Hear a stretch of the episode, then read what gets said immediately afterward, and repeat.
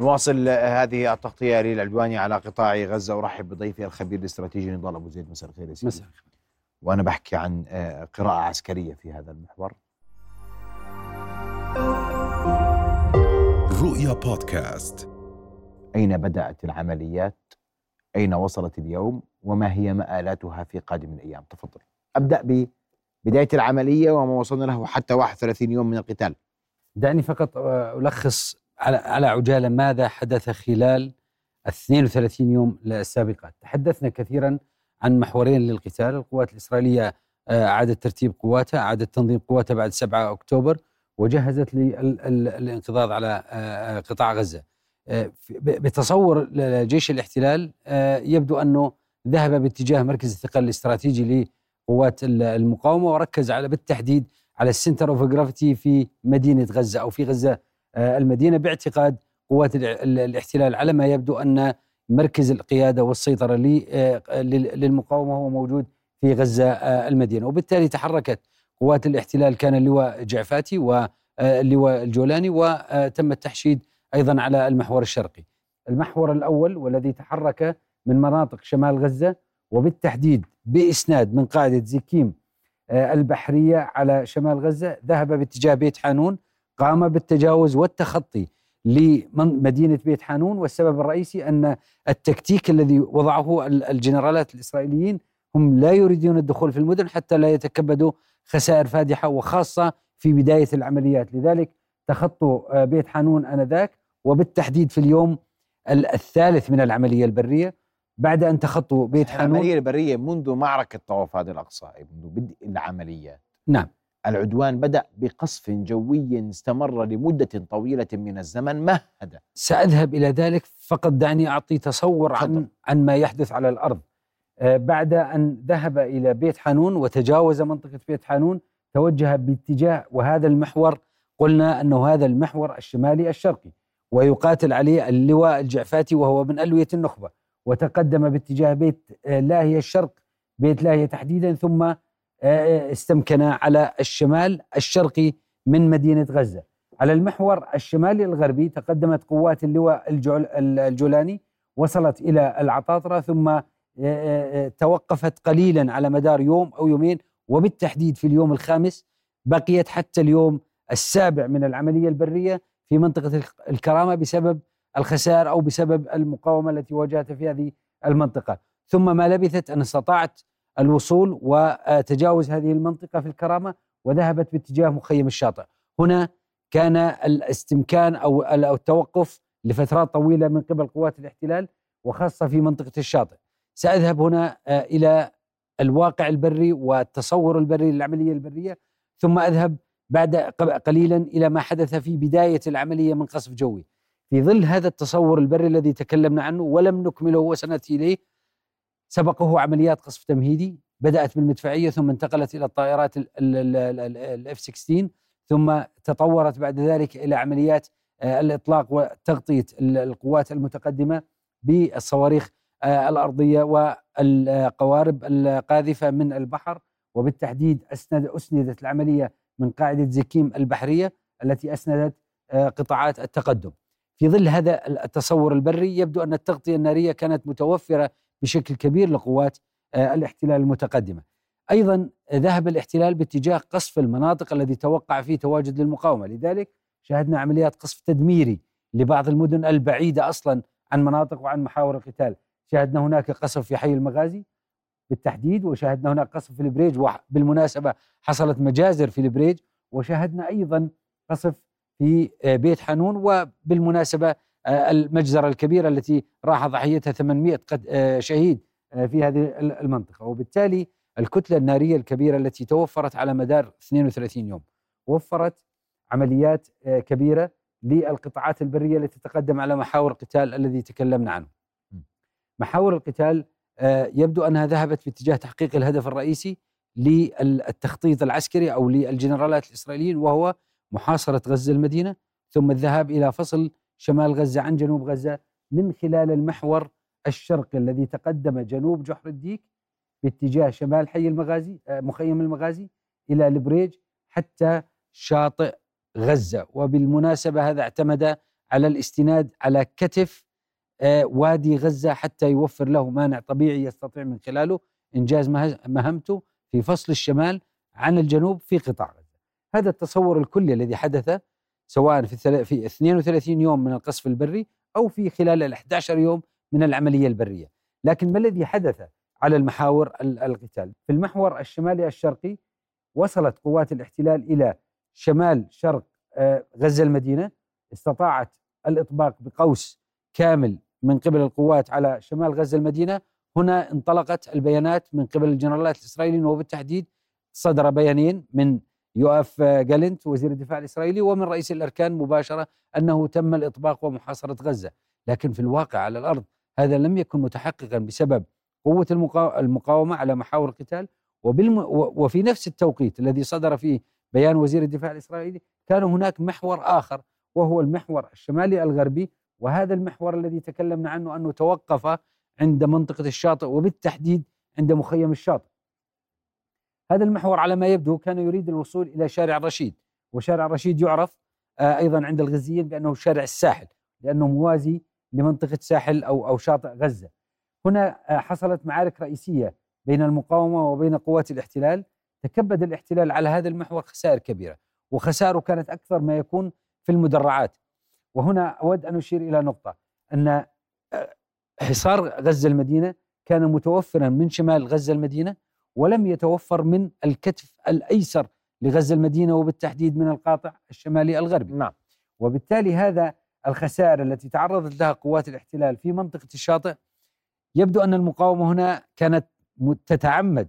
إيقاف أجنحة آه، قوات الاحتلال سواء على الجناح الشمالي الشرقي أو على الجناح الشمالي آه، الغربي حتى لا يتسنى لها الإطباق بالكامل على غزة المدينة. وهذا ما يتناقض تماما مع بيانات الجيش الإسرائيلي ومع بيانات وزير الدفاع الإسرائيلي. فيما يتعلق في آه، مخيم الشاطئ هنا أود أن أشير إلى أننا في اليوم 11 اليوم من العملية البرية. ولا زالت قوات الاحتلال لم تستطع تجاوز مخيم الشاطئ. وهذا ما يفسر عمليات القصف الكبيرة التي تعرض لها هذه المنطقة منذ ساعات الظهر حتى آه، الآن. وقبل ساعات سمعنا كثيرا عن عمليات قصف وصلت إلى هذه المنطقة. يبدو أن قوات الاحتلال مصممة على تجاوز الشاطئ وإكمال طريقها للإطباق على غزة بالكامل والتواصل مع المحور الشمالي الشرقي من بحيث تشكل أيضا قوس تطويق من جنوب غزة بالكامل. هذا الكلام أعتقد أنه لن يحدث خلال ال 24 أو ال 48 ساعة القادمة بسبب المقاومة الكبيرة التي تعرض لها قوات الاحتلال. أود أن أشير إلى نقطة وعلى عجالة حتى لا أركز كثيرا على على هذا المحور. في منطقة الشاطئ تعرضت قوات الاحتلال إلى خسائر كبيرة في معدات وخاصة في دبابات المركبة. شاهدنا الكثير من المقاطع المسربة وشاهدنا الكثير من الأخبار التي تتكلم عن خسائر. قلنا أمس أن قوات الاحتلال تعرضت إلى تدمير حسب ما أعلنت المقاومة ولنفترض صحة بيان المقاومة بالمقابل اعلن, أعلن الاحتلال عن خسائر في الدبابات وبالتالي هناك 27 آلية مدرعة تم تدميرها على هذا المحور اللي هو المحور الشمالي الغربي وبالتحديد في منطقة الشاطئ. اليوم بدأت الأرقام تتصاعد في موضوع تدمير الآليات المدرعة بالتحديد الدبابات وبالتالي هذا التصاعد قد يتوافق مع ما أشرنا إليه يوم أمس بأن المحور الشمالي الغربي لا يتوفر فيه الكفاءة القتالية الكافية وبالتالي أصبح بحاجة ماسة إلى التعزيز من قبل القوات الإسرائيلية؟ هو أنت اليوم كمان بتحكي عن قدرة هذا الجيش على التعزيز. نعم. يعني عنده اليوم إذا بيخسر له اليوم اليوم في حديث عن 15 آه، دبابة ومدرعة دمرتها المقاومة خلال 24 ساعة. هذه نقطة خلينا نتفق أنا وياك اسمح لي. أن ما يصدر يصدر عن المقاومة. الاحتلال بعد بيانات المقاومة يتحدث عن قتلى في جنوده فقط. هو لا يتحدث عن خسائر في المركبات هو يخفي ذلك. والمقاومة تسند ما تعلن عنه بفيديوهات وصور لإصابات مباشرة من نقطة صفر بدبابات ومدرعات وجنود. نعم. دعني أذهب بعيدا عن بيانات المقاومة أو بيانات القوات الإسرائيلية. صدر آه، آه، تصريح رسمي وخبر رسمي أذاعته إذاعة الجيش الإسرائيلي أن وحدة من وحدات تدعى وتعرف بوحدة الكاركال أصيب فيها أربع جنود إسرائيليين. خبر عادي جدا وتداولت مواقع التواصل الاجتماعي وتداولت الأخبار حتى المواقع الإسرائيلية ورد في أكثر من موقع إسرائيلي. هنا أود أن أركز على وحدة الكركال، ما هي وحدة الكركال؟ وما هو أهمية هذا الخبر رغم أن العدد قليل الذي أصيبهما أربعة ومن ثم اربطوا في الإجابة على سؤالك.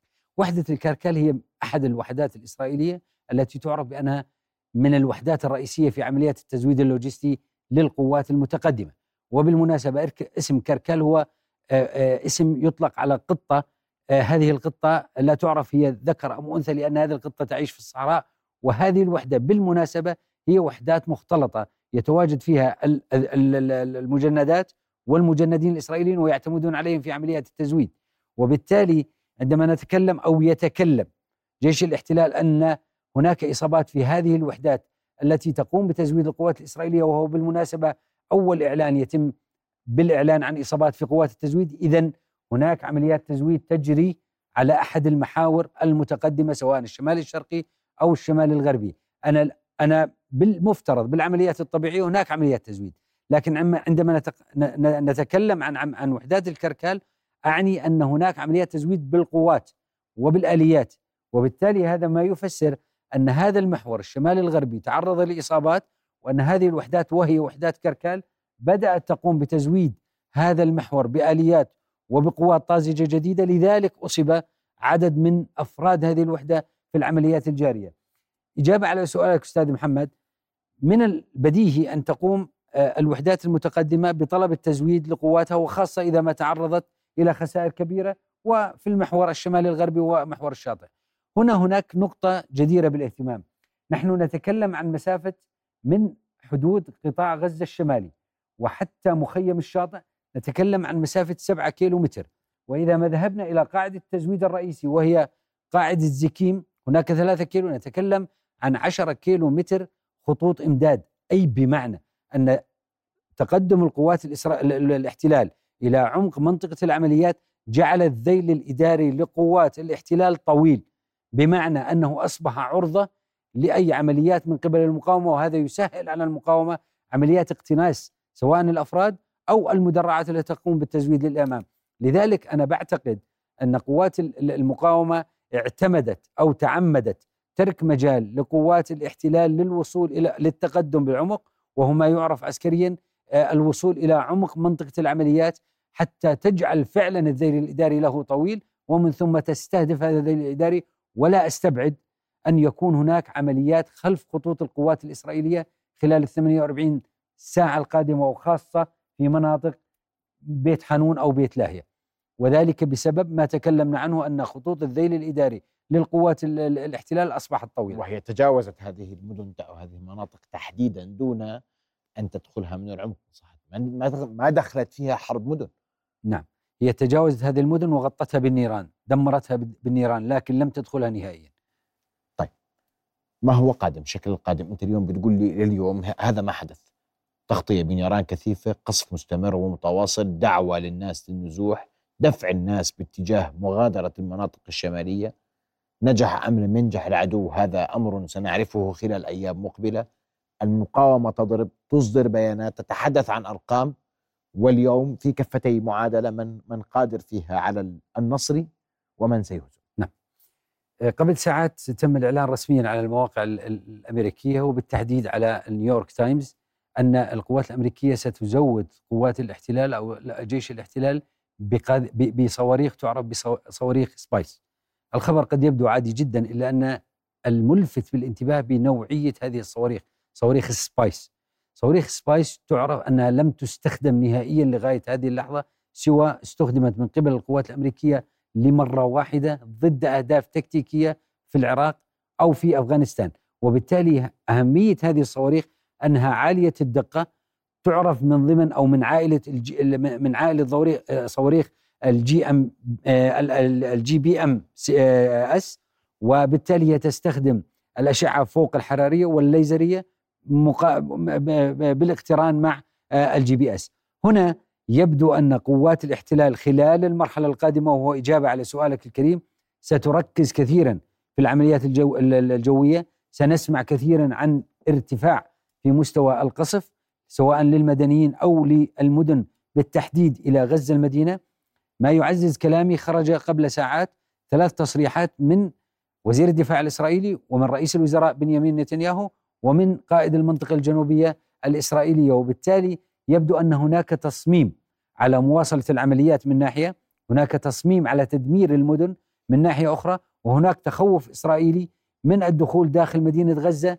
إذا ما تم النجاح خلال ال 48 ساعة في تطويق غزة المدينة، وبالتالي أتوقع خلال الفترة القادمة أنا أسمح لي أذكر لك سيناريو. تطويق غزة المدينة هو ذاته تطويق بيروت المدينة العاصمة اللبنانية عام 82 وهو دفع باتجاه مغادرة حماس ومقاتليها قطاع غزة. يعني أنا أختلف تماما مع هذا السيناريو ولا أتفق ليش؟ معه. اليوم لأنه صار إحنا بنقول نريد أن نحاصر مدينة غزة. غزة حالة منفردة. ما يحدث في غزة نموذج منفرد يختلف عن نموذج الفلوجة يختلف عن نموذج بيروت 1982 وحتى يختلف عن نموذج الموصل. أنا لا أتفق مع بعض التحليلات التي أشارت إلى أن نموذج غزة قد يكون نموذج بيروت. السبب الرئيسي. نحن نتكلم عن عن مقاتلين يتمتعون بأيديولوجيا عالية جدا. حماس ليست مبنى وليست سيارة يتم تدميرها وليست شخص يتم قتله. حماس أيديولوجيا. وبالتالي هذه الأيديولوجيا التي تقاتل بهذا العنف الذي شاهدناه على المقاطع التي ظهرت من قبل المقاومة ووصلت إلى نقطة الصفر في المقاومة. وبالتالي هناك تصميم على القتال والاستمرار بالقتال. وبالتالي لن يكون هناك محاصرة لغزة المدينة ومن ثم انسحاب لعناصر المقاومة من غزة إلى مناطق أخرى. وهو ما حدث في سيناريو بيروت 1982 السبب الرئيسي أن هناك ايديولوجيا تقاتل في غزة وبالتالي لن يكون هناك انسحاب. ستكون المواجهة أكبر. الجيش الإسرائيلي متخوف من الدخول في في غزة المدينة. حتى وإن نجح خلال ال 48 ساعة القادمة في تطويق غزة المدينة إلا أنه لن يدخل غزة دون حرقها بالكامل. هناك محور آخر لا, لا نود أن نغفل وهو المحور الجنوبي المحور الشرقي محور جحر الديك المغازي البريج. هذا المحور يبدو انه استكمل عمله والقوات الإسرائيلية على هذا المحور استكملت عملها في فصل شمال غزة عن جنوب غزة إلا أن هنا النقطة الجديرة بالاهتمام. هل تنجح قوات الاحتلال في في التواصل مع بعض بعض المحور الشمالي الشرقي مع المحور الجنوبي آه، مع المحور الشمالي الغربي مع المحور الشرقي الموجود على جحر الديك البريج؟ أعتقد أن هذا صعب جدا في ظل منطقة العمليات وبيئة العمليات الظاهرة أمامنا. يبدو أن سيناريو الاستنزاف أصبح واضح جدا. يبدو أن المقاومة ستجر. قوات الاحتلال إلى سيناريو استنزاف قاتل جدا لقوات الاحتلال. أعتقد أن هناك خسائر كبيرة قد يعلن عنها خلال ساعات من قبل المقاومة إذا لم تكن آه، خلال ال 24 ساعة القادمة. آه، المقاومة الآن في وضع أعتقد أنها ليس بالممتاز إلا أنه لا يقل عن الجيد جدا. خاصة في محاور القتال وبالتالي هي لا تزال متماسكة وتستطيع مواجهة قوات الاحتلال على هذه المحاور. نعم القادم هو محاولة تطويق غزة ومن ثم حرق غزة بالكامل لدخولها لا شيء أكثر من ذلك. الجنوب سيبقى بعيدا عن المعارك سندر؟ لن يتجاوز الجنوب عمليات قصف بيك انت عمليات انتقائية هنا هناك وأعتقد ستكون العمليات متركزة في مخيم البريج ومخيم المغازي لن تتجاوز هذا السيناريو والقادم سيكون كما تفضلت قصف مدينة غزة بالكامل وسنسمع كثيرا خلال الليلة والليلة القادمة عن حرق غزة المدينة حتى تدخلها القوات الإسرائيلية وقد يتم تسريب بعض المقاطع أن القوات الإسرائيلية دخلت غزة المدينة لكن أود أن أؤكد أستاذ محمد إذا لم يكن هناك قوات مشاة على الأرض لا يمكن أن نقول أن هناك إنجازات على الأرض لأن الطائرة لا تمسك أرض والدبابة لا تمسك أرض. نعم. أشكرك كل الشكر نضال ابو زيد الخبير الاستراتيجي والعسكري كنت معنا الليلة أشكرك كل الشكر. كل الشكر. رؤيا بودكاست